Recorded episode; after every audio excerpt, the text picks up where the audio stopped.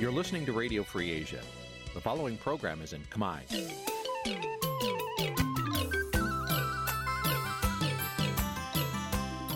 Nǐ chi càm bi tiệp xáy vệt chiu a zì sê ray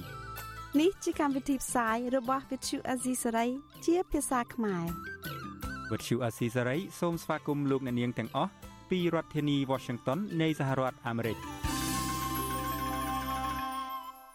បាទពីរដ្ឋធានីវ៉ាស៊ីនតោនខ្ញុំបាទសនចាររថាសូមជម្រាបសួរលោកអ្នកនាងអ្នកស្ដាប់វិទ្យុអេស៊ីសរ៉ៃទាំងអស់ជាទីមេត្រីខ្ញុំបាទសូមជូនការផ្សាយសម្រាប់ព្រឹកថ្ងៃច័ន្ទ3កើតខែចេសឆ្នាំថោះបញ្ញស័កពុរសករាជ2567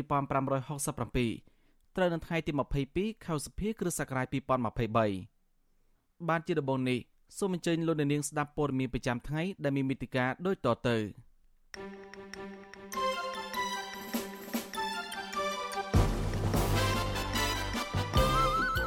ពុទ្ធបរិស័ទជាច្រើនសោកស្ដាយដែលព្រះភិក្ខុសង្ឃសានសុជាសឹកលាចាកពីសិក្ខាបទលោកសំរងស៊ីចៅលហ៊ុនសែនថាជាអ្នកសម្លាប់បរិបទខ្មែរច្រើនបន្ទាប់ពីប៉ុលពតខ្មែរនៅជប៉ុនប្រមានធ្វើបាតកម្មប្រសិនបើលោកហ៊ុនសែនបន្តរារាំងបាក់ភ្លើនទៀនអង្គការសង្គមស៊ីវិលថារដ្ឋាភិបាលចែកបានមូលនិធិសមត្ថៈឬអង្គនិន្នាការនយោបាយ រួមនឹងព័ត៌មានសំខាន់សំខាន់មួយចំនួនទៀត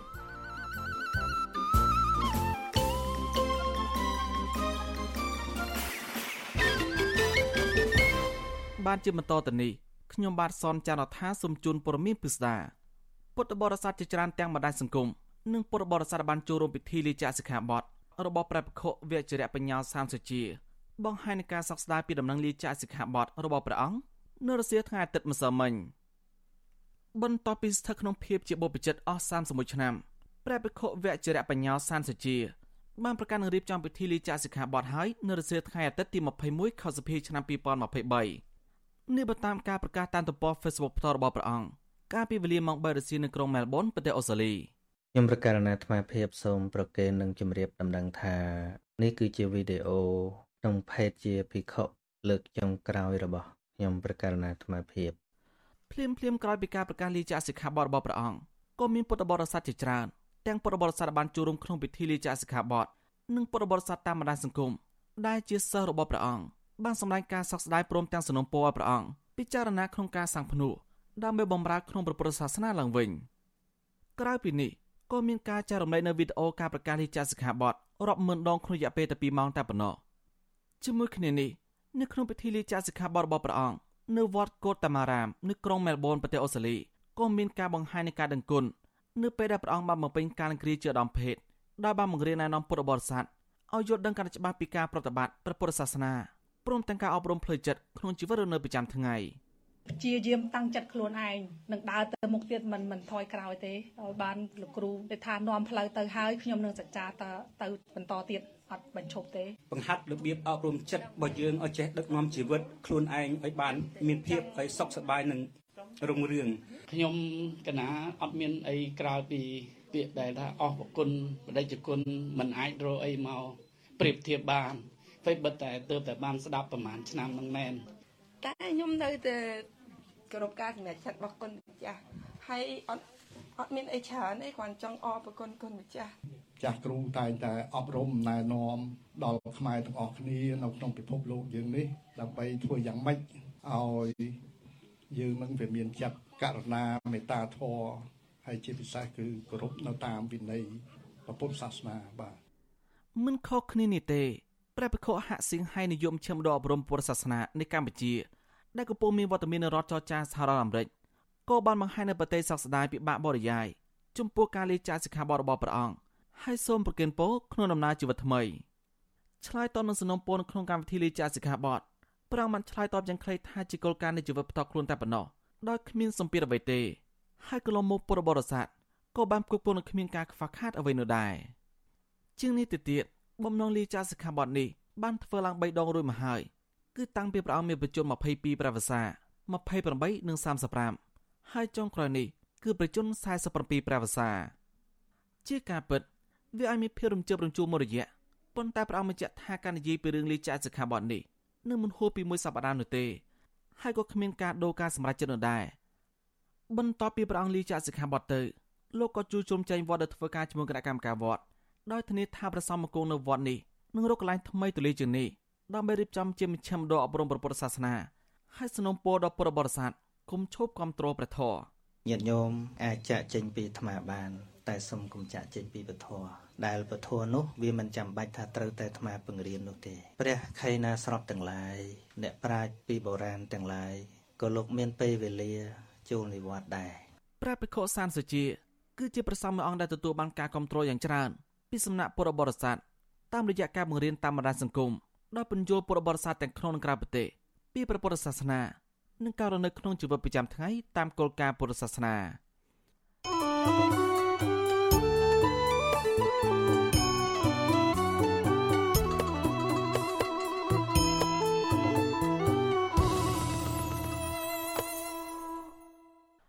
បានលោកនៅនាងជាទីមន្ត្រី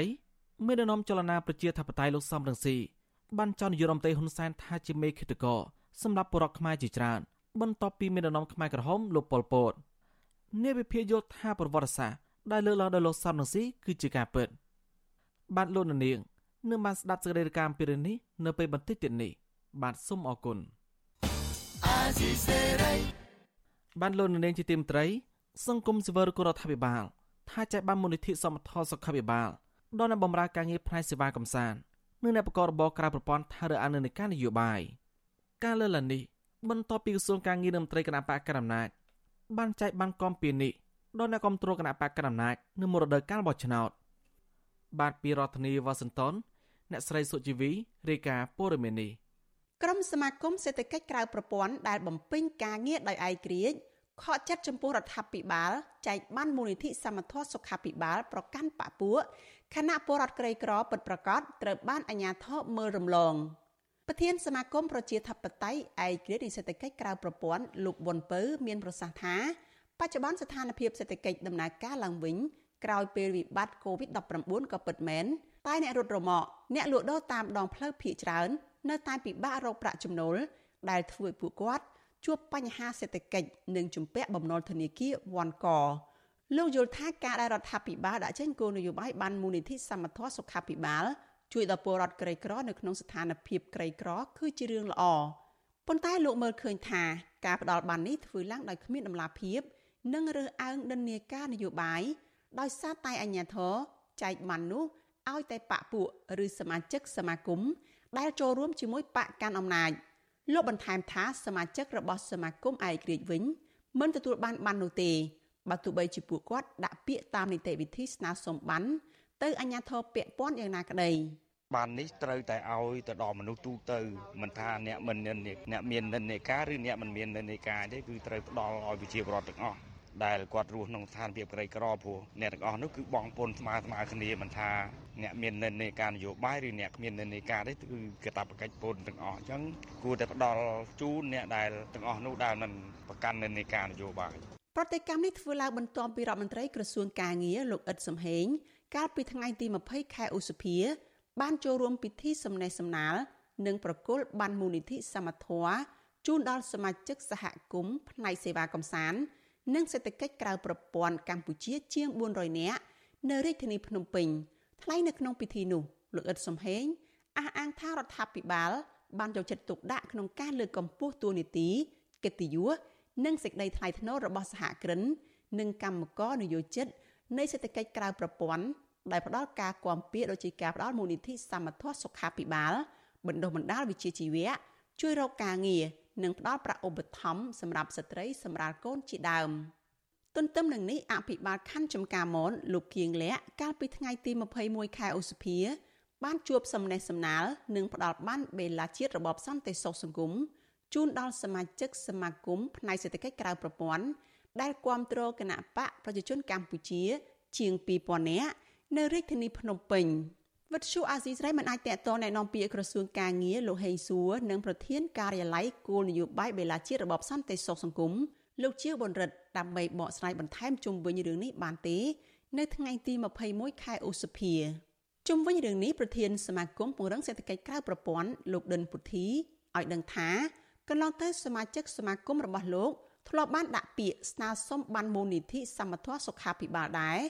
ប៉ុន្តែរហូតមកដល់ពេលនេះក្រសួងកាងារ មិនដែលឆ្លើយតបត្រឡប់មកវិញនោះទេលោកយល់ថាការបែងចែកបាននៅមុនរដូវបោះឆ្នោត គឺជារូបភាពកេងចំណេញនយោបាយ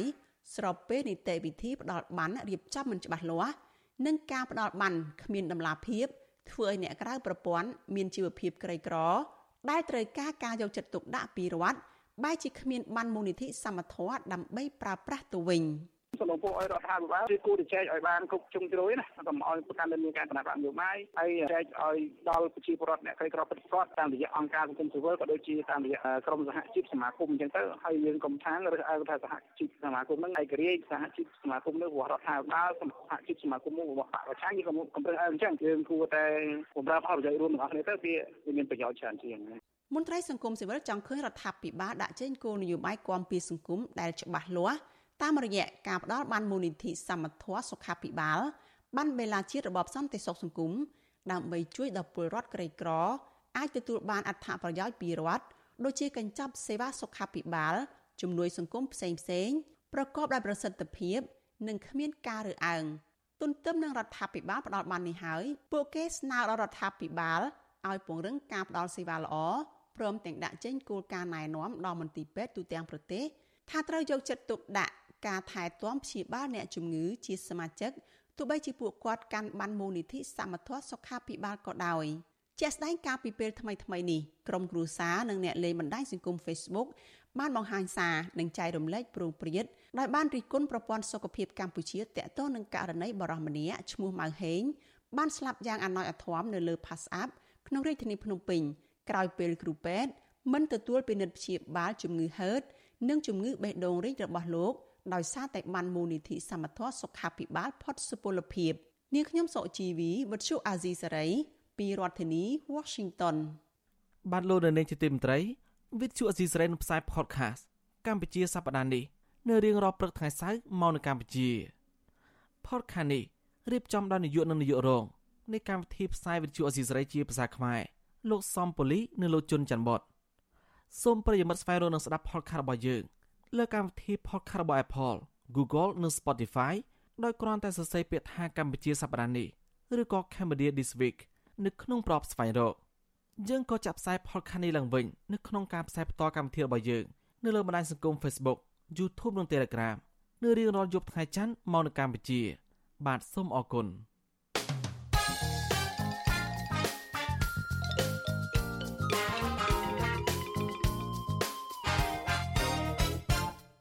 បានលោកនៅនាងជាទីមត្រីមន្ត្រីជាន់ខ្ពស់គណៈកម្មាធិការជ្រៀបចំការបោះឆ្នោតហៅកាត់ថាកោចបមិនអាចបកស្រាយចម្ងល់ថាតើហេតុអ្វីកាលពីឆ្នាំ2022កោចបអនុញ្ញាតឲ្យគណៈបកភ្លើនទៀនចូលរួមការបោះឆ្នោតឃុំសង្កាត់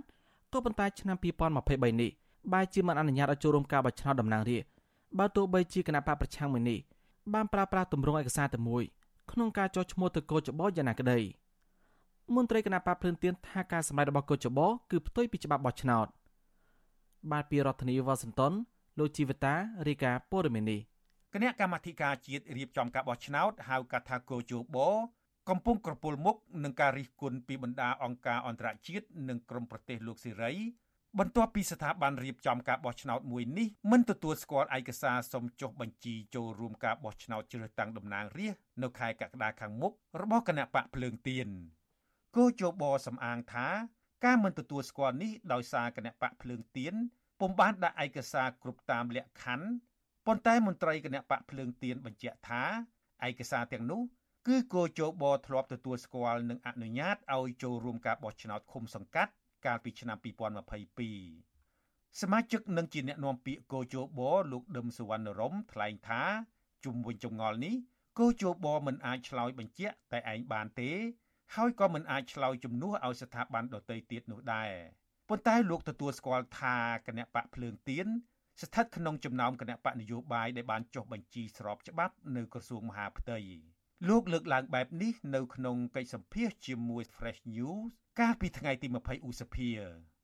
រឿងខ្លះអឺកោចបមិនអាចឆ្លើយតែឯងទេរឿងខ្លះកោចបក៏មិនអាចឆ្លើយជំនួសបានដែរអញ្ចឹងមិញអឺបងអូននិយាយពាក់ព័ន្ធទៅនឹងអឺក្រាបព្រឹងទៀតយើងគិតមើលវាមានឯកសារជាច្រើនហើយជាថ្មីម្ដងទៀតកោចបធ្វើកិច្ចការច្រើនណាស់អញ្ចឹងការពិនិត្យនឹងមានលំដាប់លំដោយមានពេលវេលាក្នុងការធ្វើជុំវិញបញ្ហានេះវិទ្យុអាស៊ីសេរីមិនអាចសុំការបញ្ជាក់បន្ថែមពីលោកដឹមសវណ្ណរមនិងអ្នកនាំពាក្យកោជបម្នាក់ទៀតគឺលោកហងពុធា រួមទាំងអ្នកនាំពាក្យក្រសួងមហាផ្ទៃលោកខៀវសុភ័ក្របានទេនៅថ្ងៃទី21ឧសភានេះសេចក្តីសម្រេចកាលពីថ្ងៃទី15ឧសភាដែលចុះហត្ថលេខាដោយលោកប្រាជ្ញច័ន្ទប្រធានកោជបបានបញ្ជាក់ថាការបដិសេធការចុះបញ្ជីរបស់គណៈបកភ្លើងទៀនដោយសារគណៈបកនេះមិនបានភ្ជាប់ប្រកាសស្ដីពីការចុះឈ្មោះក្នុងបញ្ជីគណៈបកនយោបាយនៅក្រសួងមហាផ្ទៃដែលមានបញ្ជាក់នីតិចានុកលកម្មដោយរដ្ឋបាលរាជធានីខេត្តក្រុងស្រុក ខណ្ឌនៅការិយាល័យច្រកចេញចូលតែមួយឲ្យបានត្រឹមត្រូវស្របតាមកថាខណ្ឌទី2និងចំណុចទី1ក្នុងមាត្រាទី27នៃច្បាប់ស្តីពីការបោះឆ្នោតជ្រើសតាំងតំណាងរាស្ត្រប៉ុន្តែជាក់ស្ដែងច្បាប់ស្តីពីការបោះឆ្នោតជ្រើសតាំងតំណាងរាស្ត្រឆ្នាំ2015មាត្រា27ត្រង់កថាខណ្ឌទី2និងចំណុចទី1ដែលកោជបលើកយកមកអះអាងនេះ ពុំបានតម្រូវឲ្យគណៈបកនយោបាយយកសេចក្តីចម្លងលិខិតបញ្ជាក់ការចុះបញ្ជីគណៈបកនៅក្រសួងមហាផ្ទៃទៅបញ្ជាក់នីតិសានុកុលកម្មដោយរដ្ឋបាលរាជធានីខេត្តក្រុងស្រុកខណ្ឌនោះឡើយលើសពីនេះលិខិតរបស់ក្រសួងមហាផ្ទៃចុះកាលបរិច្ឆេទថ្ងៃទី5ឧសភាឆ្នាំ2023នេះក៏បានទទួលស្គាល់គណៈបកភ្លើងទៀនដោយបញ្ជាក់ថាគណៈបកប្រឆាំងមួយនេះជាគណៈបកស្របច្បាប់ចុះបញ្ជីជាមួយក្រសួងមហាផ្ទៃទៀតផង។ អ្នកនាំពាក្យគណៈបកភ្លើងទៀនលោកកឹមសុភិរិទ្ធលើកឡើងថាបើផ្អែកតាមច្បាប់គណៈបកភ្លើងទៀនបានបំពេញបែបបទដោយគ្មានភាពចន្លោះប្រហោងប៉ុន្តែរឿងនេះគឺជាប់ពាក់ព័ន្ធនឹងហេតុផលនយោបាយច្រើនជាងគណៈបកភ្លើងទៀនបានដាក់ឯកសារប្តឹងទៅក្រមប្រឹក្សាធម្មនុញ្ញកាលពីថ្ងៃទី19ឧសភាដើម្បីតវ៉ាជុំវិញការសម្រេចរបស់កោជបដែលមិនចុះបញ្ជីគណៈបកសម្រាប់ការចូលរួមប្រកួតការបោះឆ្នោតខាងមុខ គណៈស្ថាប័នកម្ពុជានេះមានពេល10ថ្ងៃដើម្បីពិនិត្យនិងសម្រេចលើបណ្ដឹងនោះលោកបន្ថែមថាគណៈបកភ្លើងទៀនបានស្នើឲ្យក្រុមប្រឹក្សាធម្មនុញ្ញក៏ហៅតំណាងក្រសួងមហាផ្ទៃនិងកោជបឆ្លើយតបបំភ្លឺជុំវិញបញ្ហានេះ។ផ្លូវច្បាប់ក្រសួងមហាផ្ទៃដែលជាអាណាបកដើមខ្សែយម៉ាយអីទទួលស្គាល់ថាបកលើទីពិតជាបានមានចុះបញ្ជីក្នុងគណៈបកយោបាយស្របតាមច្បាប់ គណៈបកហើយអញ្ចឹងវាធម្មតាកាលណាវាអញ្ចឹងយើងអាចចូលប្រកួតបានប៉ុន្តែរឿងនេះអានឹងក៏ច្បគេយើងនឹងអញ្ជើញណាយើងនឹងសុំឲ្យក្រុមការសុំមុនអញ្ជើញតែក្រសួងមហាផ្ទៃអញ្ជើញអីហ្នឹងទៅបំភ្លឺឡើងម្ដងទៀតណាវាបញ្ហាចំណែកនាយកប្រតិបត្តិអង្គការ Netflix លោកសំគុណធីមីយល់ឃើញថាការបដិសេធមិនអោយគណៈបកភ្លើងទៀនចូលរួមការបោះឆ្នោតឆ្នាំ2023ស្របពេលគណៈបកនេះប្រើប្រាស់ទម្រង់ឯកសារតែមួយ ដែលធ្លាប់ស្នើសុំចុះបញ្ជីចូលរួមការបោះឆ្នោតក្រុមប្រឹក្សាគុំសង្កាត់កាលពីឆ្នាំ2022នោះគឺកោជបគួរតែបកស្រាយឲ្យបានច្បាស់លោកបន្តថាបទបញ្ជាឬសេចក្តីណែនាំរបស់ក្រសួងស្ថាប័នមិនអាចធំជាងច្បាប់ដែលអនុម័តដោយរដ្ឋសភានោះឡើយ។បាទតាមទៅមើលគេនាំបបជានីតិវិធីវាអត់អាចខាងសម្រាប់បានណាបាទវិធមជាច្បាប់អនុម័តរដ្ឋជាអឺ បបជានីតិវិធីតាមស្ថាប័នហ្នឹងណាលោកបងអ្នកតាមដានស្ថានភាពនយោបាយយល់ឃើញថាការរៀបរៀងមិនអោយគណៈបកភ្លើងទៀនចុះបញ្ជីចូលរួមក្នុងការបោះឆ្នោតជ្រើសតាំងតំណាងរាស្ត្រនាពេលខាងមុខនេះដោយសារតែគណៈបកនេះបានក្លាយជាគណៈបកប្រឆាំងដ៏ធំដែលធ្វើឲ្យគណៈបកកាន់អំណាចរបស់លោកនាយករដ្ឋមន្ត្រីហ៊ុនសែនខ្លាចចាញ់ឆ្នោតនាពេលខាងមុខចំណែកបណ្ដាប្រទេសលោកសេរីរួមមានស្ថានទូតបារាំងអូស្ត្រាលីសហរដ្ឋអាមេរិក សហភាពអឺរ៉ុបជាដើម បានប្រតិកម្មជុំវិញការសម្រេចរបស់កោជបនេះនិងទទូចឲ្យគណៈបកភ្លើងទៀនចូលរួមការបោះឆ្នោតនាពេលខាងមុខស្ថានទូតអូស្ត្រាលីបានបញ្ជាក់នៅលើទំព័រ Facebook ផ្លូវការថាគណៈបកមួយដែលមិនអាចចុះបញ្ជីចូលរួមការបោះឆ្នោតបាននោះមិនមែនជាលទ្ធិប្រជាធិបតេយ្យនៅកម្ពុជានោះទេខ្ញុំជីវិតាអាស៊ីសេរីបាទតើតើនៅគណៈបកភ្លើងទីនេះដែរ ប្រជាប្រដ្ឋខ្មែរនៅប្រទេសជប៉ុនព្រមមានធ្វើបាតកម្មប្រជារដ្ឋាភិបាលលហ៊ុនសែនប្រសិនបើបន្តរារាំងគណៈបកភ្លើងទៀនមិនឲ្យចូលរួមការបោះឆ្នោតការព្រមានបែបនេះធ្វើឡើងក្នុងវេទិកាសាធារណៈនៅថ្ងៃទី21ខែសីហាបាទពីរដ្ឋធានីវ៉ាស៊ីនតោនលោកមេរិតរាយការណ៍ព័ត៌មាននេះវេទិកានេះមានអ្នកចូលរួមប្រមាណ200នាក់ដែលភាគច្រើនគឺជាពលករនិងជាសមាជិកគណៈបកភ្លើងទៀននៅប្រទេសជប៉ុន ពួកគេរៀបចំវេទិកានេះឡើងក្នុងគោលបំណងឲ្យពលរដ្ឋបានយល់ដឹងពីសិទ្ធិសេរីភាពនៃការបញ្ចេញមតិនិងបើកលំហសិទ្ធិសេរីភាពឲ្យគណៈបកគ្រប់ភាគី ជាពិសេសគឺគណៈបកភ្លើងទៀន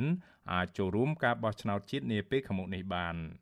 ប្រធានសាខាគណៈបកភ្លើងទៀនប្រចាំប្រទេសជប៉ុនលោក Claude Virea ប្រាវិសុយស៊ីស្រីនៅថ្ងៃទី21ខែឧសភាថា ការជួបជុំគ្នាធ្វើវេទិកានេះឡើងគឺដើម្បីឲ្យប្រជាពលរដ្ឋបានយល់ដឹងអំពីការបោះឆ្នោតនៅកម្ពុជា ពីព្រោះលោកថាមានតែការបោះឆ្នោតទេ ដែលអាចកំណត់ជោគវាសនាប្រទេសជាតិបានលោកបន្តថារដ្ឋាភិបាល គួរតែបើកលំហសិទ្ធិសេរីភាពឲ្យគណៈបកភ្លើងទៀនអាចចូលរួមការបោះឆ្នោតជាតិខាងមុខនេះបាន បើពុំដូច្នេះទេលោកថាពលរដ្ឋដែលរស់នៅក្នុងប្រទេសជប៉ុននឹងធ្វើបាតកម្មដើម្បីជំរុញឲ្យរដ្ឋាភិបាលជប៉ុនឈប់ផ្ដល់ជំនួយឲ្យកម្ពុជា ជាអំពាវនាវដល់សកម្មជនគណៈបកផ្សេងទៀតទាំងអស់ឲ្យពួកគាត់នៅសមរភូមិមុខស៊ូស៊ូខំប្រឹងប្រែងពង្រឹងកម្លាំងពង្រឹងសេដ្ឋកិច្ចពួកខ្ញុំនៅខាងក្រោយខ្ញុំពង្រឹងសេដ្ឋកិច្ចដើម្បីជួយគណៈបកផ្សេងទៀតដើម្បីជួយសមរភូមិមុខដើម្បីជួយយុទ្ធយុវជនដូចសកម្មជននៅសមរភូមិមុខពួកខ្ញុំនៅខាងក្រោយខ្ញុំនឹងខំប្រឹងប្រែងតស៊ូដើម្បីគ្រប់គ្រងដល់បងប្អូនសមាជិកកម្មជនផ្សេងទៀតនៅខាងមុខជាដាច់ខាត លោក Claude Virea បន្តថាពលករខ្មែរមកធ្វើការនៅប្រទេសជប៉ុនភ ieck ច្រើនមិនចង់ធ្វើការនៅក្រៅប្រទេសនោះទេក៏ប៉ុន្តែដោយសារមេដឹកនាំកម្ពុជាខ្វះឆន្ទៈនិងអសមត្ថភាពមិនបានគិតគូរដោះស្រាយបញ្ហាពលរដ្ឋគ្មានការងារធ្វើវេទិកានេះធ្វើឡើងនៅខេត្តកាណាហ្គាវ៉ានៃប្រទេសជប៉ុន នៅថ្ងៃទី21ខែឧសភាដែលមានការចូលរួមពីមន្ត្រីជាន់ខ្ពស់របស់គណៈបកភ្លើងទៀន មកពីប្រទេសកម្ពុជារួមមានលោកឈុនប៊ុនខៀនសមាជិកគណៈកម្មាធិការនយោបាយនៃគណៈបកភ្លើងទៀននិងប្រពន្ធលោកទៀវវណ្ណុលប្រធានគណៈបកភ្លើងទៀនគឺអ្នកស្រីទៀវថារាទាក់ទងនឹងការប្រមានធ្វើបាតកម្មនេះ Visual Asia ស្រីមិនអាចតាក់ទងแนะនាំពាក្យគណៈបកប្រជាជនកម្ពុជា លោកសុកអេសាន ដើម្បីសុំការអធិប្បាយលើបញ្ហានេះនៅថ្ងៃទី21ខែឧសភាបាននៅឡើយទេ អ្នកសិក្សាស្រាវជ្រាវការអភិវឌ្ឍសង្គមលោកសេងសេរីក៏សម្គាល់ថារដ្ឋាភិបាលនៅតែធ្វើទុកបុកម្នេញដល់គណៈបកភ្លើងទៀនដោយមិនអោយគណៈបកនេះចូលរួមការប្រគល់ប្រជែងការបោះឆ្នោតនិងគំរាមកំហែងទៅលើសមាជិកគណៈបកភ្លើងទៀនតាមរយៈការចាប់ចង ការចោទប្រកាន់តាមប្រព័ន្ធតុលាការជាដើមលោកបន្តថាបញ្ហាទាំងនេះហើយដែលធ្វើឲ្យសមាជិកគណៈបកភ្លើងទៀននៅប្រទេសជប៉ុនប្រមានធ្វើបាតកម្មយ៉ាងដូចនេះ លោកបញ្ជាក់ថារដ្ឋាភិបាលកម្ពុជានឹងរងនឹងការរិះគន់និងថ្កោលទោសពីបណ្ដាប្រទេសប្រជាធិបតេយ្យជាពិសេសគឺប្រឈមទៅនឹងទណ្ឌកម្មបន្ថែមទៀតបើនៅតែមិនព្រមបើកលំហសិទ្ធិសេរីភាពឡើងវិញការបើកលំហសេរីភាពដើម្បីឲ្យគណៈបកភ្លើងទៀន ចូលរួមការបោះឆ្នោតគិតថាវាជាមធ្យោបាយដែលដោះស្រាយបញ្ហាគឺអបកាំងនយោបាយហ្នឹងឲ្យវាមានស្ថានភាពប្រសើរហើយនឹងវាមានផលចំណេញទៅដល់ដំណើរនៃការអភិវឌ្ឍឬក៏ដំណើរនៃការវិវត្តជាតបតៃនៅកម្ពុជាបាទកន្លងទៅរដ្ឋាភិបាលជប៉ុន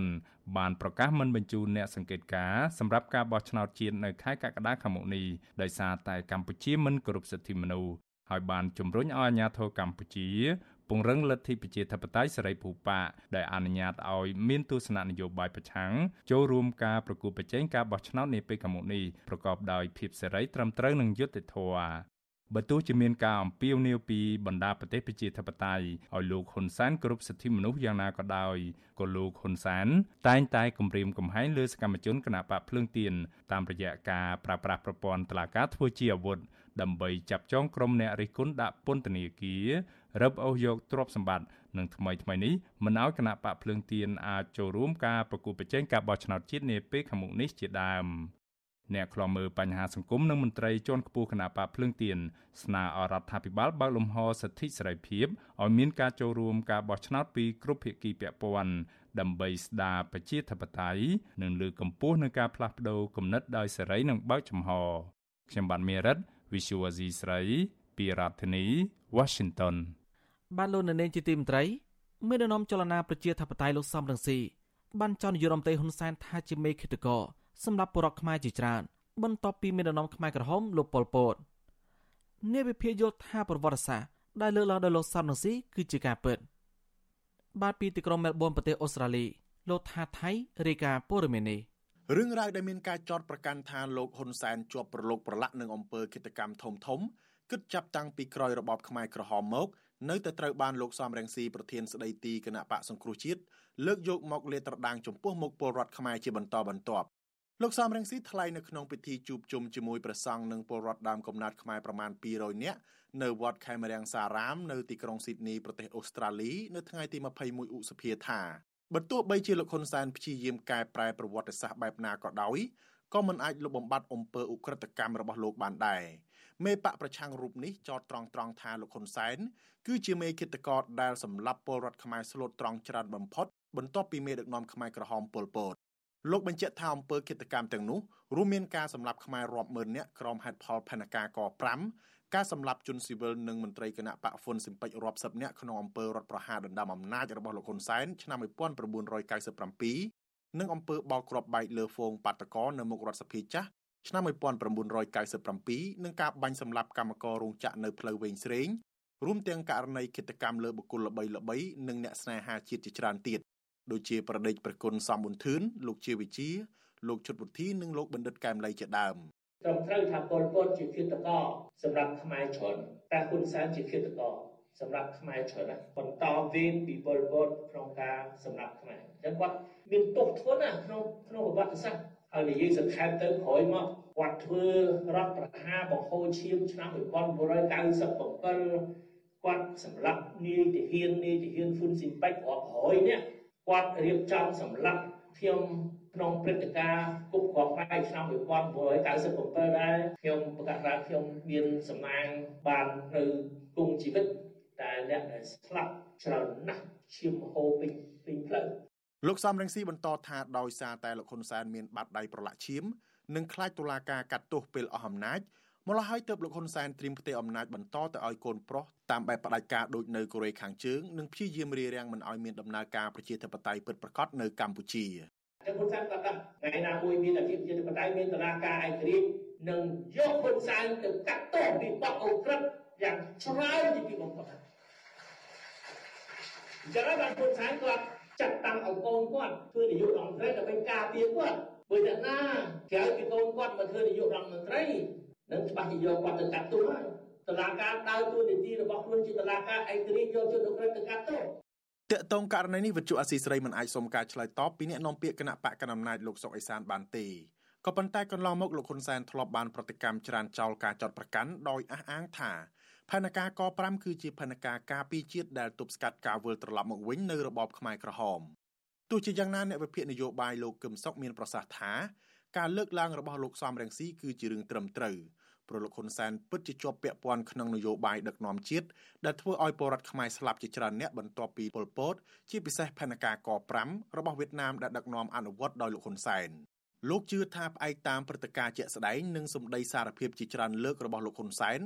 ដែលថាលោកសោកស្ដាយមិនបានសម្លាប់មនុស្សនិងមិនញញើតក្នុងការសម្លាប់មនុស្ស2ទៅ300នាក់ជាដើមគឺបង្ហាញយ៉ាងច្បាស់ថាអតីតកម្មាភិបាលខ្មែរក្រហមរូបនេះពិតជាជាប់ពាក់ព័ន្ធនឹងអំពើឃាតកម្មធំធំដោយមិនអាចប្រកែកបានឡើយ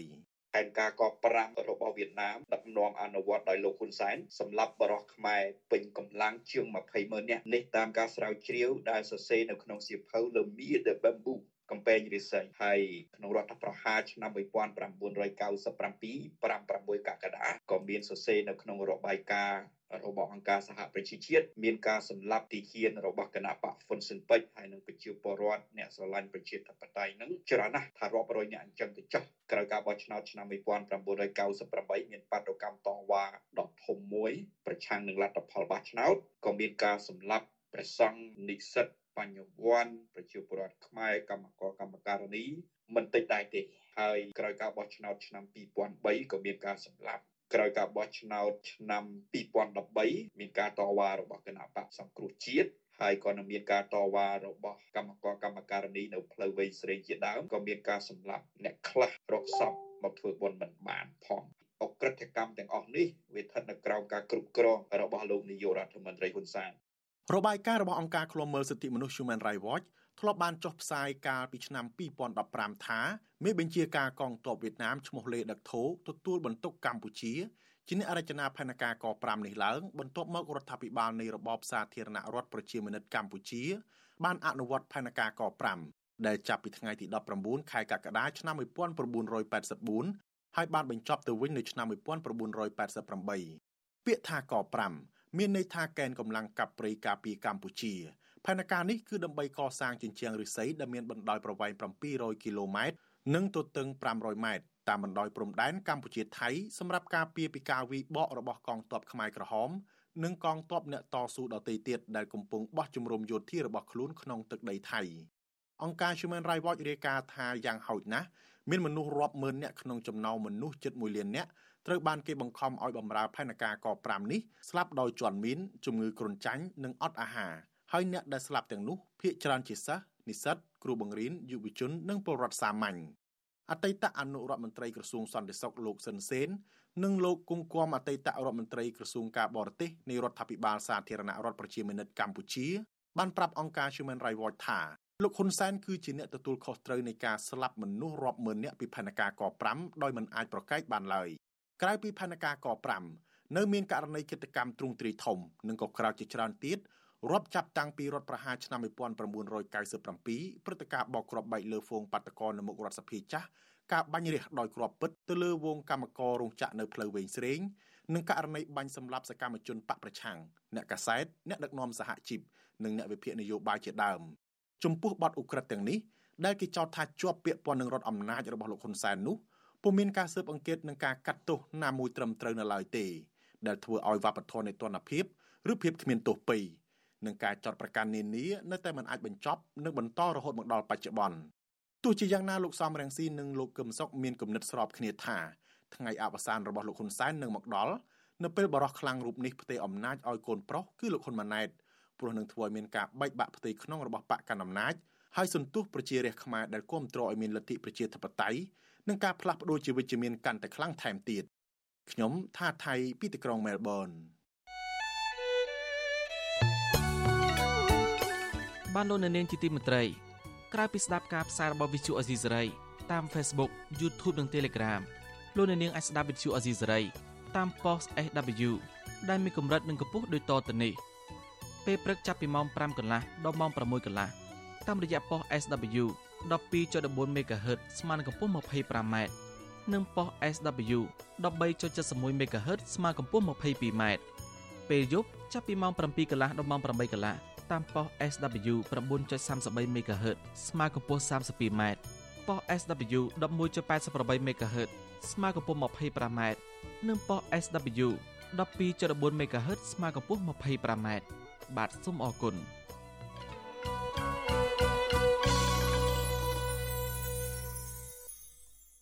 បានលោកនៅនាងជាទីមន្ត្រី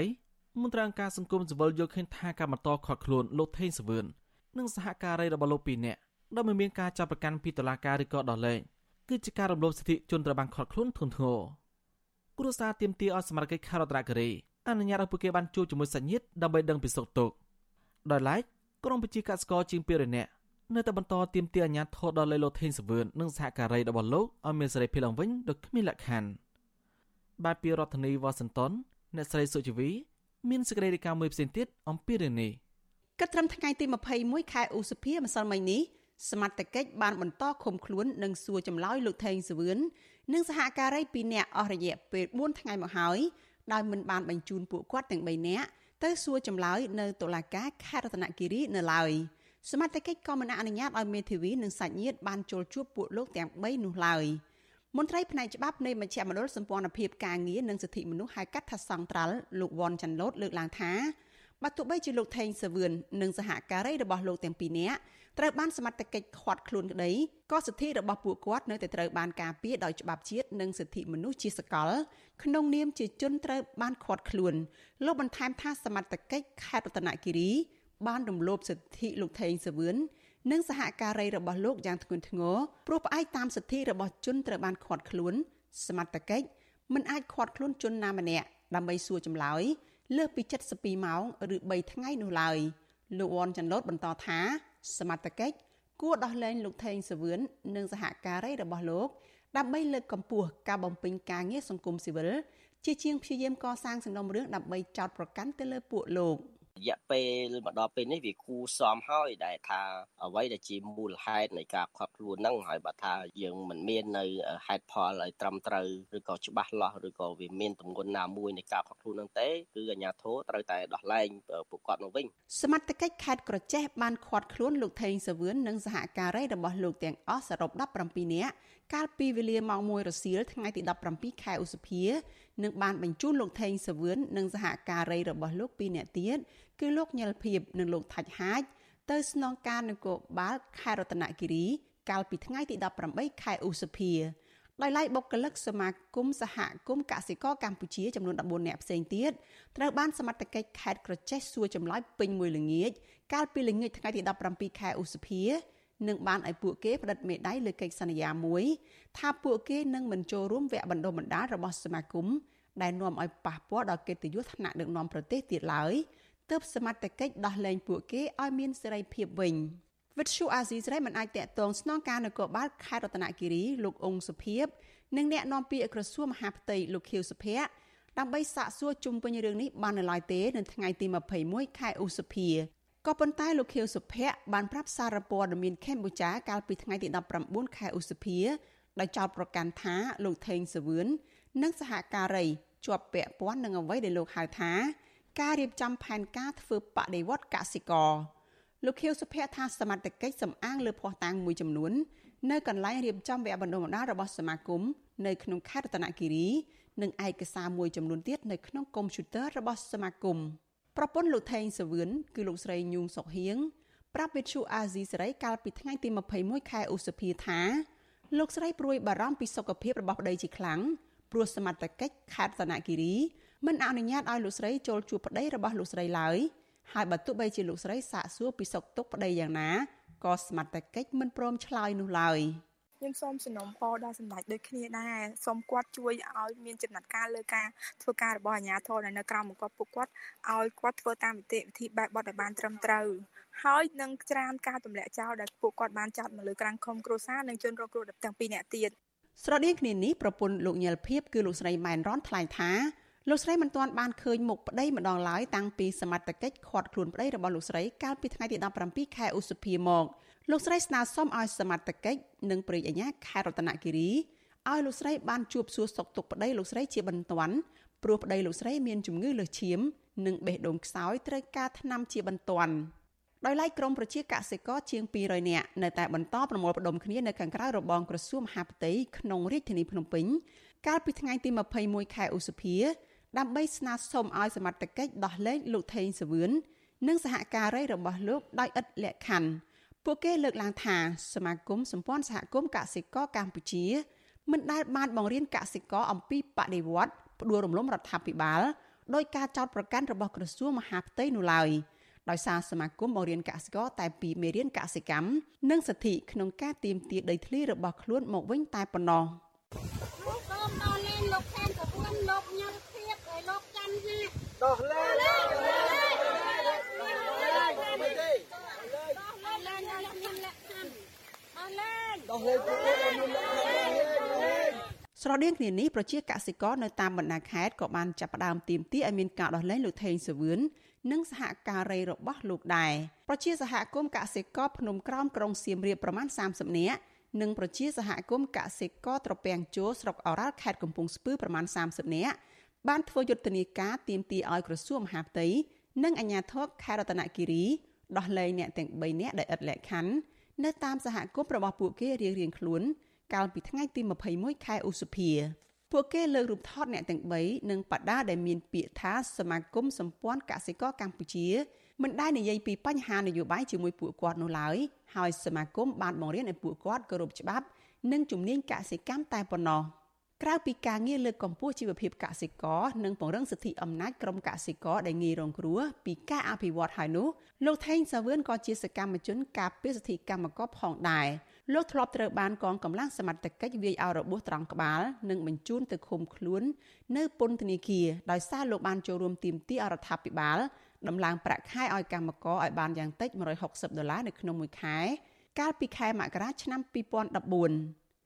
សមាគមសម្ព័ន្ធសហគមន៍កសិករកម្ពុជាត្រូវបានបង្កើតឡើងកាលពីឆ្នាំ2011ដោយសហគមន៍កសិករចំនួន10ដែលរងការរំលោភបំពានសិទ្ធិដីធ្លីគិតត្រឹមឆ្នាំ2023សមាគមនេះមានសមាជិកជាកសិករជិត20000នាក់មកពីបណ្ដាខេត្តចំនួន10នៅទូទាំងប្រទេសមន្ត្រីអង្គការសង្គមស៊ីវិលលើកឡើងថាការខាត់ខ្លួនលោកថេងសវឿននិងសហការីរបស់លោកគឺអាចបណ្ដាលមកពីសមាគមសម្ព័ន្ធសហគមន៍កសិករកម្ពុជា បានធ្វើការងារយ៉ាងសកម្មក្នុងការពង្រឹងសិទ្ធិអំណាចកសិករដែលរងគ្រោះពីការរំលោភបំពានដីធ្លីឲ្យចេញតវ៉ាទាមទារសិទ្ធិសេរីភាព និងទាមទារដីរបស់ពួកគេនាងខ្ញុំសុជីវីវិទ្យុអាស៊ីសេរីពីរដ្ឋធានី Washington បាត់លោកនៅនាងជាទីមត្រីអតិថិជនទិញផ្ទះពីគម្រោងក្រុមហ៊ុនលេនវត្រាផ្ទុះការតវ៉ាជាបន្តបន្ទាប់ដោយថាពួកគេបានបង់លុយគ្រប់ចំនួនច្រើនឆ្នាំមកហើយ ប៉ុន្តែមិនទទួលបានផ្ទះដោយការសន្យាជុំវិញបញ្ហានេះអុកញ៉ាលេនវត្រាបកស្រាយថាការសាងសង់យឺតយ៉ាវដោយសារទំនិញឡើងថ្លៃសូមអតិថិជនយោគយល់បាទពីរដ្ឋធានីវ៉ាស៊ីនតោនលោកមេរិត មានសេចក្តីរាយការណ៍មួយផ្សេងទៀតអំពីរឿងនេះអតិថិជនផ្ទុះការតវ៉ាជាបន្តបន្ទាប់ដោយអះអាងថាពួកគាត់រកលុយបានដោយលំបាកហើយខ្លះខ្ចីបលុយពីធនាគារផងនោះយកមកបង់ឲ្យក្រុមហ៊ុនលោកលេនវត្រារាប់ឆ្នាំមកហើយ នៅតែមិនទាន់ទទួលបានផ្ទះហើយមួយរយៈពេលចុងក្រោយនេះពួកគាត់បានសួរនាំទៅក្រុមហ៊ុនមួយនេះតែមិនទាន់មានការឆ្លើយតបទេការតវ៉ានេះគឺអ្នកខ្លះធ្វើឡើងដោយសរសេរតាមបណ្ដាញទំនាក់ទំនងសង្គមនិងអ្នកខ្លះទៀតនិយាយជាវីដេអូផ្សព្វផ្សាយជាសាធារណៈហើយពួកគេក៏បានបង្កើតជាក្រុមឆាតតាម Telegram ផងដែរក្រុមអ្នកតវ៉ាទាំងនេះក្រុងប្រមូលផ្ដុំគ្នានៅថ្ងៃទី30ខែឧសភាឆ្នាំនេះនៅសាខាណាមួយរបស់ក្រុមហ៊ុនលេនវត្រា អតិថិជនម្នាក់កញ្ញាម៉ារីណែតថ្លែងថាកញ្ញាបានបង់លុយទៅក្រុមហ៊ុនលោកលេនវត្រាជិត3ឆ្នាំមកហើយចំនួន35,000ដុល្លារទិញផ្ទះនៅផ្លូវជាតិលេខ6នៅក្នុងស្រុកមុខកំពូលខេត្តកណ្ដាលកញ្ញាបន្តថាការសម្រេចចិត្តសរសេរផ្សព្វផ្សាយទាមទារនៅលើ Facebook នេះគឺដោយសារតែទីតាំងដីដែលកញ្ញាទិញនោះមិនទាន់បានសាងសង់ផ្ទះ ហើយមួយរយៈពេលចុងក្រោយនេះកញ្ញាបានសាកសួរតាមទូរស័ព្ទនិងទៅសួរដល់ការិយាល័យក្រុមហ៊ុនក៏ប៉ុន្តែมันមានការឆ្លើយតបហើយសម្រាប់ផ្ទះខ្ញុំនឹងខ្ញុំទិញចិត្ត3ឆ្នាំហ្មងហើយអត់ទាន់មានជើងបសមកដើមហ្មងនៅនឹងទៅដូចជាអត់មានមនុស្សផងបងមានតែបុគ្គលិកប្រហែលអ្នកនៅក្នុង office ហ្នឹងហើយដល់ពេលខ្ញុំ ទៅហ្នឹងខ្ញុំទៅមើលទៅផ្ទះខ្ញុំទេព្រោះដោយសារទៅ office ហ្នឹងក៏វាអត់មានន័យអីដែរឆ្លើយដដែលដដែលចឹងបុគ្គលិកឆ្លើយលេងចេញឯងសុំឲ្យខ្ញុំតាក់តងតាមទូរស័ព្ទក៏ចឹងដែរនិយាយទៅបុគ្គលិកអស់ពាក្យដោះសារមួយយើងហ្មងចំណែកអតិថិជនម្នាក់ទៀតលោក Chithi Pinara សរសេរនៅលើ Facebook របស់លោកថា លោកបានទិញផ្ទះគម្រោងលោកលេនវត្រានៅផ្លូវជាតិលេខ6ដែរក៏ប៉ុន្តែលោកភ័យខ្លាចដោយសារពិបាករកលុយហើយបង់លុយអស់តែមិនបានផ្ទះ Visual C ស្រីព្យាយាមតាក់ទងលោកលេនវត្រាទាំងតាមឆាត Facebook Page និងហៅតាមទូរស័ព្ទនៅថ្ងៃទី21ខែឧសភាក៏ប៉ុន្តែมันមានការឆ្លើយតបទោះជាយ៉ាងណា លោកបានបកស្រាយនៅលើទំព័រ Facebook របស់លោក នៅថ្ងៃទី21ខែឧសភាថាលោកមិនរត់ចោលអតិថិជននោះទេបើទោះជាមានការសាងសង់យឺតយ៉ាវបន្តិចមែនទន្ទឹមនឹងនេះលោកលេងនវត្រាចោទថាក្រុមអ្នករិះគន់វាយប្រហារទៅលើលោកគឺជាក្រុមប្រឆាំងនៅក្រៅប្រទេសដែលញុះញង់អតិថិជនពុកម៉ែបងប្អូនដែលជាអតិថិជនកុំឲ្យមានការព្រួយបារម្ភដែរមានន័យថាក្រុមហ៊ុនគឺមានការទទួលខុសត្រូវនិងយកចិត្តទុកដាក់ទាំងគុណភាពសំណងទាំងការទទួលខុសត្រូវផ្សេងផ្សេងនៅក្នុងកិច្ចសន្យាដែលបានព្រមព្រៀងនិងផ្តិតមេដៃជាមួយ ហើយក៏បណ្ដំផ្ញើទៅជនអតិថិជនជាពិសេសយើងអត់មានបោកអតិថិជនអត់ទេនេះជាការបំភ្លឺការពិតទាំងស្រុងហើយគាត់ថាយើងរកបរិយខ្យល់ជាការបំភ្លឺបរិយខ្យល់យ៉ាងម៉េចយើងសង់ផ្ទះបានជាង10000ល្បីដែលអតិថិជនពុកម៉ែបងប្អូនកំពុងតែរស់នៅនៅថ្ងៃទី21ខែឧសភាដដែល នៅលើទំព័រ Facebook របស់លោកលេនវត្រាលោកបានផ្សព្វផ្សាយសារជាអក្សរនិងវីដេអូជាង20សារជាបន្តបន្ទាប់ ដោយមិនព្យាយាមបកស្រាយលើសំណើរបស់អតិថិជនទាំងនោះទេក៏ប៉ុន្តែលោកបានផ្ដោតការវាយប្រហារទៅលើក្រុមអ្នកតវ៉ាថាជាក្រុមប្រឆាំងឬជាក្រុមអកតេនៅក្រៅប្រទេសជាដើមអ្នកសិក្សាកិច្ចការសង្គមនិងនយោបាយលោកជ្រីបូរ៉ាលើកឡើងថាវិស័យធំធំ ដែលទ្រទ្រង់សេដ្ឋកិច្ចកម្ពុជា មានសំណង់ទេសចរឧស្សាហកម្មកាត់ដេរនិងកសិកម្មជាដើមបានចុះខ្សោយទាំងអស់ លោកបន្តថាពលរដ្ឋដែលជួបការលំបាកខ្លាំងកំពុងបន្តឆ្លងដែនទៅរកការងារធ្វើនៅប្រទេសថៃលោកជ្រីបូរ៉ាបន្តថាបញ្ហារបស់ក្រុមហ៊ុនលោកលេនវត្រា និងអង្គការផ្សេងទៀតគឺជាវិបត្តិសេដ្ឋកិច្ចជារួមហើយលោកថាបើរដ្ឋាភិបាលមិនមានវិធានការទប់ស្កាត់ជាក់លាក់នោះទេនោះនឹងប៉ះពាល់ដល់ធនាគារព្រោះលោកថាពលរដ្ឋមិនមានលុយបង់សង ហើយឈានទៅប៉ះពាល់សេដ្ឋកិច្ចជាតិកាន់តែខ្លាំងប្រសិនបើ រដ្ឋាភិបាលមិនចាប់អារម្មណ៍ដោះស្រាយទេវាអាចរុញរុញទៅជាបន្តបន្ទាប់ឧទាហរណ៍ទី1ពលរដ្ឋគាត់បាត់បង់ការងារបន្ទាប់ពីបាត់បង់ការងារហើយគាត់អត់មានលុយមានចំណូលដើម្បីដោះស្រាយជាមួយនឹងការជាពាក់បំណុលធនាគារអញ្ចឹងវាអាចមានបញ្ហាដល់ខាងវិស័យធនាគារ ជុំវិញរឿងនេះអ្នកជំនាញសេដ្ឋកិច្ចបណ្ឌិតសុកហាជមានប្រសាសន៍ថាកម្ពុជាកំពុងជួបបញ្ហាខ្វះសាច់ប្រាក់ពីការវិនិយោគទាំងពីប្រទេសចិននិងអឺរ៉ុបលោកបន្តថាចំណូលពីវិស័យផ្សេងៗទៀតក៏ធ្លាក់ចុះដែរដូច្នេះហើយទើបលោកសន្និដ្ឋានថាសេដ្ឋកិច្ចជាតិកំពុងប៉ះពាល់ខ្លាំង ពីមុនហ្នឹងគឺថាយើងមានធនធានធម្មជាតិច្រើនខុសច្បាប់ត្រូវច្បាប់អីគឺថាយើងចេះតែកាប់លក់ទៅហើយដូច្នេះមានលុយកាក់ចូលដែរណាខ្ញុំមិននិយាយពីបញ្ហាច្បាប់មិនច្បាប់ទេយើងនិយាយពីបញ្ហាសេដ្ឋកិច្ចសុទ្ធហ្នឹងណាហើយឥឡូវក៏វាស់ទៀតដូច្នេះគឺលំហូរសាច់ប្រាក់មកពីក្រៅហ្នឹងតាមរយៈវិនិយោគក្រៅស្រុកតាមទេសចរឬក៏តាមការលក់ធនធានធម្មជាតិហ្នឹងគឺយើងបាត់ដូច្នេះខ្ញុំជឿថាសេដ្ឋកិច្ចស្រុកយើងហ្នឹងមានភាពដុនដាបខ្លាំងបាទ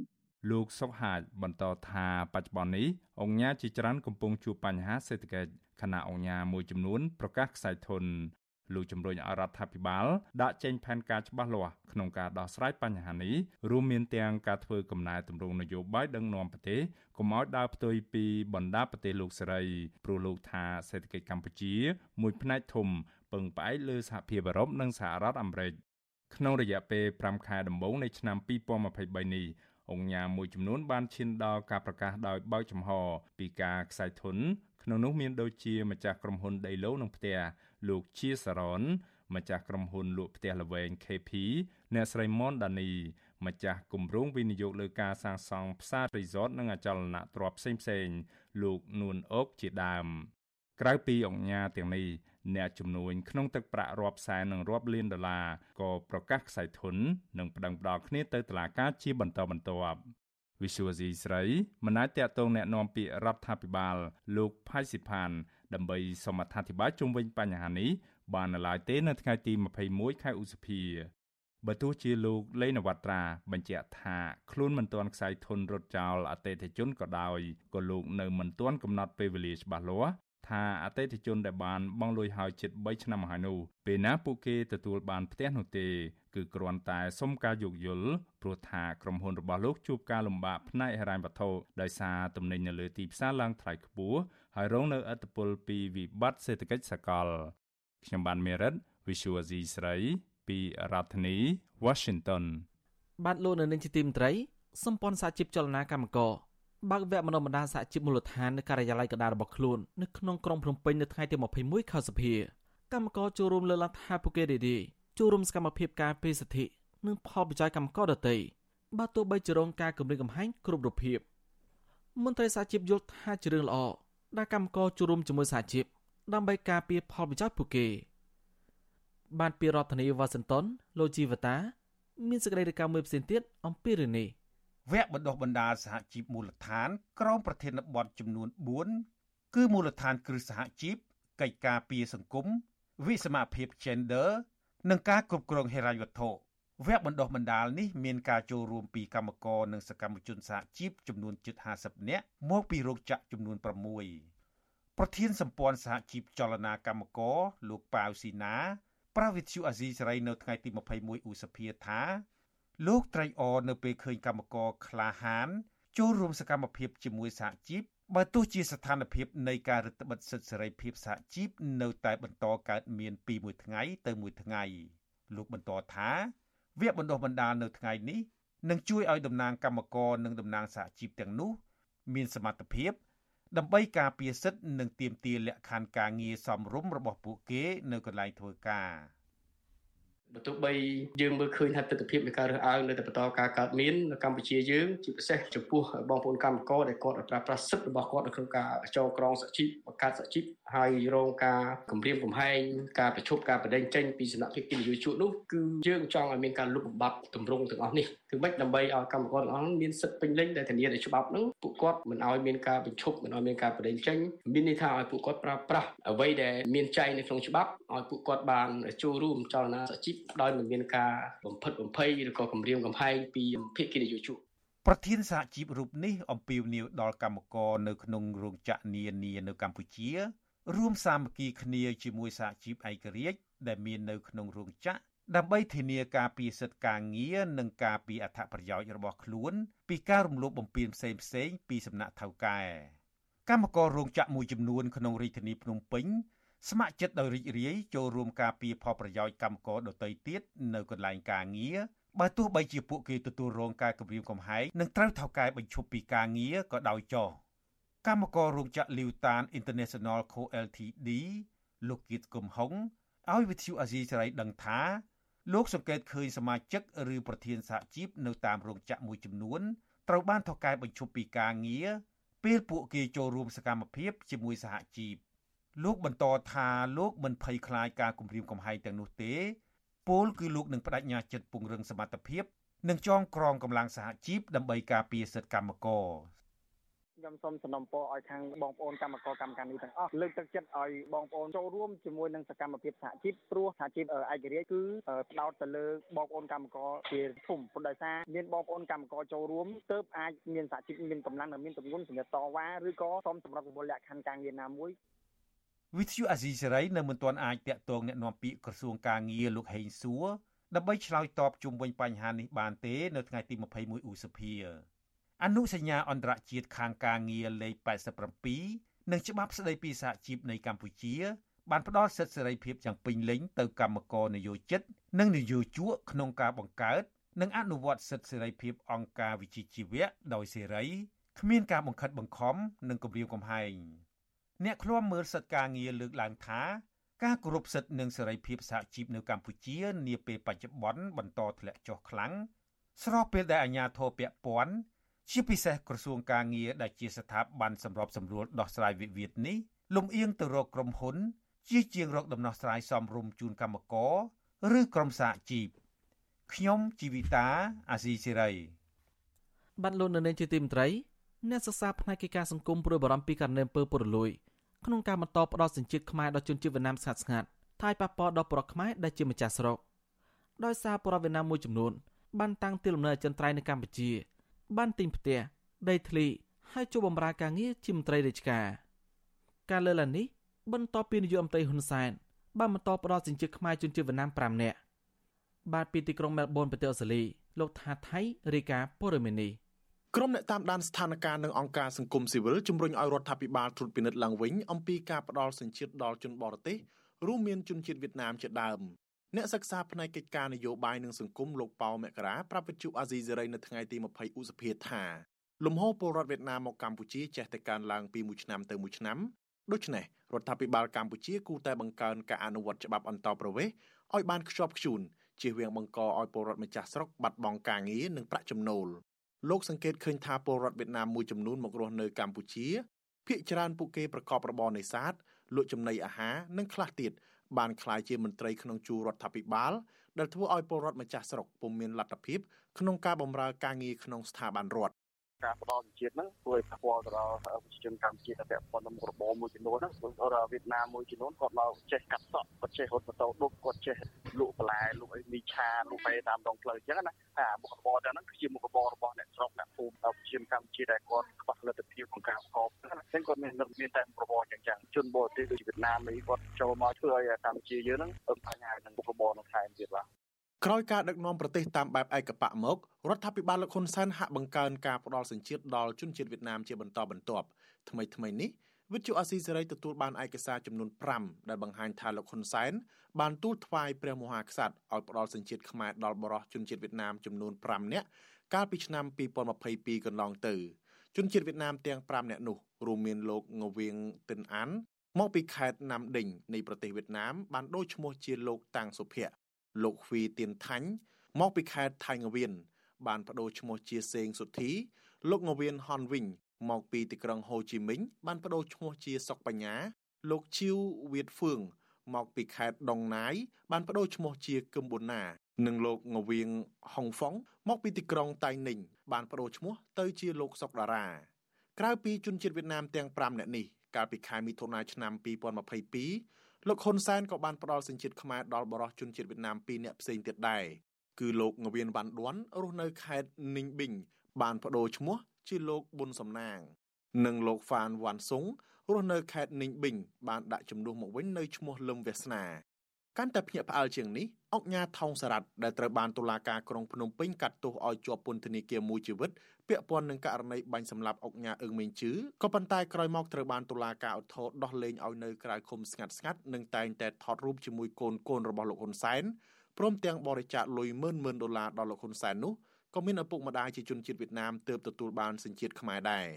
ប៉ុន្តែរឿងចម្លែកនោះនៅត្រង់ថាឪពុកម្ដាយរបស់លោកថោងសារ៉ាត់មានឈ្មោះយឿងថេគឿង រស់នៅខេត្តឡាសិនដោយបដូរឈ្មោះជាថោងចម្រើននិងម្ដាយឈ្មោះចិនធីឡុកបដូរមកជាឈ្មោះកែវសារីទើបទទួលបានសញ្ជាតិនៅខែកក្កដាឆ្នាំ2022តែបែរជាលោកស្រីកែវសារី មានក្របខ័ណ្ឌជានាយទាហាននៃកងយុទ្ធពលខេមរៈភូមិន្ទក្រសួងការពារជាតិមានឋានន្តរស័ក្តិថ្នាក់វរៈសេនីយ៍តូតាំងពីអំឡុងឆ្នាំ2010និងធ្លាប់មានមុខតំណែង ជាទីប្រឹក្សាអគ្គលេខាធិការដ្ឋានព្រឹទ្ធសភារបស់ប្រទេសកម្ពុជា មានឋានៈជាជំទាវទៀតផង លើសពីនេះក្រោយមានរឿងគិតកម្មលើអង្គការអឹងមេងជឿកាលពីឆ្នាំ2014នោះឪពុកម្ដាយរបស់លោកអង្គការថោងសារ៉ាត់ក៏ត្រូវបានសមត្ថកិច្ចកម្ពុជាចាប់ខ្លួននិងត្រូវបានតុលាការក្រុងភ្នំពេញកាត់ទោសឲ្យជាប់ពន្ធនាគារ2ឆ្នាំពាក់ព័ន្ធនឹងការលាក់ទុកនិងប្រើប្រាស់អាវុធជាច្រើនដោយគ្មានច្បាប់អនុញ្ញាតប៉ុន្តែបើទោះបីជាឪពុកម្ដាយលោកថោងសារ៉ាត់ធ្លាប់មានទោសជាប់ពន្ធនាគារនិងក្រោយមករងការចោទថាបានផ្ដល់សំណូកដល់អតីតប្រធានសាលាដំបងរាជធានីភ្នំពេញលោកអាំងមីឡាដី ដើម្បីបាននៅក្រៅឃុំក្តីក៏ពួកគាត់ទាំងពីរមានសំណាងដោយលោកហ៊ុនសែនបានទូលថ្វាយព្រះមហាក្សត្រឲ្យផ្ដល់សញ្ជាតិដល់ពួកគេនៅឆ្នាំ2022មាត្រា19នៃច្បាប់ស្តីពីសញ្ជាតិជនបរទេសត្រូវចេះនិយាយភាសាខ្មែរចេះអក្សរខ្មែរនិងយល់ដឹងពីប្រវត្តិសាស្ត្រខ្មែរខ្លះៗហើយបង្ហាញភ័ស្តុតាងច្បាស់ ថាខ្លួនអាចរស់នៅក្នុងសង្គមខ្មែរដោយសុខដុមរមនាព្រមទាំងទទួលបាននៅទំនៀមទម្លាប់និងប្រពៃណីរបស់ខ្មែរមានបញ្ញានិងកាយសម្បទាដែលមិននាំឲ្យមានគ្រោះថ្នាក់ឬនាំឲ្យមានបន្ទុកដល់ជាតិជុំ វិញរឿងនេះប្រធានមជ្ឈមណ្ឌលប្រជាពលរដ្ឋដើម្បីអភិវឌ្ឍនិងសន្តិភាពលោកយងកំឯងក៏សម្គាល់ឃើញថាប្រទេសវៀតណាមនិងកម្ពុជាមានព្រំប្រទល់ជាប់គ្នាមិនគួរពិបាកដល់ការធ្វើដំណើរនោះឡើយក៏ប៉ុន្តែរដ្ឋាភិបាលកម្ពុជាបែរជាផ្ដល់សញ្ជាតិដល់ពួកគេទៅវិញលោកបន្តថារដ្ឋាភិបាលគួរតែពិនិត្យឲ្យបានច្បាស់មុនពេលផ្ដល់សញ្ជាតិខ្មែរទៅឲ្យជនបរទេសណាម្នាក់ពីព្រោះអាចធ្វើឲ្យកម្ពុជាបាត់បង់អធិបតេយ្យភាពនិងប៉ះពាល់ដល់ការអនុវត្តច្បាប់អន្តោប្រវេសន៍ ជាប់ទៅវិញត្រូវតែមានការអនុវត្តបានត្រឹមត្រូវបើសិនជាមិនអនុវត្តបានត្រឹមត្រូវទេតែទទួលរងបញ្ហានេះដែរចាំដោះស្រាយបញ្ហាគឺកម្ពុជានឹងបានចឹងបានជាបណ្ដាប្រទេសផ្សេងផ្សេងគេអនុវត្តជាប់ទៅវិញតឹងរឹងបាទហើយការដែលអនុវត្តតឹងរឹងនេះគឺដើម្បីធ្វើយ៉ាងណាឲ្យអ្នកធ្វើតទៅវិញអ្នកដែលចូលមកស្រុកខ្មែរជនបរទេសចូលស្រុកខ្មែរនឹង ទទួលអ្នកដែលគេចូលមកល្អល្អអញ្ចឹងក្រៅពីផ្ដល់សញ្ជាតិឲ្យពលរដ្ឋវៀតណាមមករស់នៅកម្ពុជារដ្ឋាភិបាលលោកហ៊ុនសែនក៏បានបង្ហាញពីការយកចិត្តទុកដាក់ចំពោះជនជាតិវៀតណាមជាបន្តបន្ទាប់តាមការអំពាវនាវពីមេដឹកនាំវៀតណាមដែរកាលពីឆ្នាំ2021រដ្ឋាភិបាលកម្ពុជាបានរៀបចំដី40ហិកតាសម្រាប់ទទួលជនជាតិវៀតណាមនៅក្នុងទន្លេខេត្តកំពង់ឆ្នាំងឲ្យពួកគេឡើងមករស់នៅលើគោកវិញ ក្រៅពីនេះរដ្ឋាភិបាលក៏ថែមទាំងផ្ដល់បានស្នាក់នៅអចិន្ត្រៃយ៍ឲ្យជនអន្តោប្រវេសន៍រស់នៅកម្ពុជាស្របច្បាប់ថែមទៀត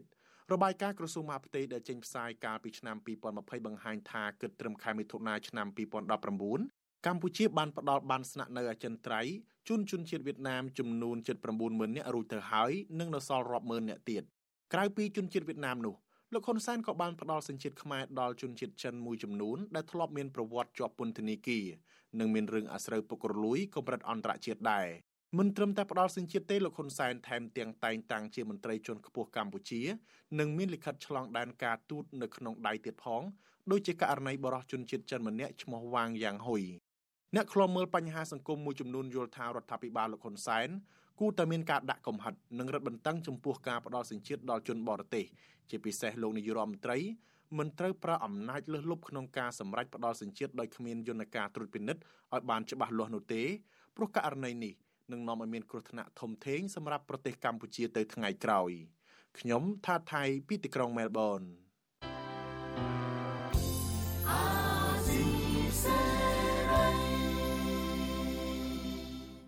បានលោកនាងកញ្ញាអ្នកស្ដាប់វិទ្យុអេស៊ីសរ៉ៃជាទីមេត្រីការផ្សាយរយៈពេល1ម៉ោងនៃវិទ្យុអេស៊ីសរ៉ៃនៅពេលនេះចប់តែប៉ុណ្ណេះយើងខ្ញុំសូមជូនពរដល់លោកនាងព្រមទាំងក្រុមគ្រួសារទាំងអស់ឲ្យជួបប្រកបតែនឹងសេចក្តីសុខចម្រើនរុងរឿងកុំបីឃ្លៀងឃ្លាតឡើយខ្ញុំបាទសនចាររថាព្រមទាំងក្រុមការងារទាំងអស់នៃវិទ្យុអេស៊ីសរ៉ៃសូមអគុណនិងសូមជម្រាបលា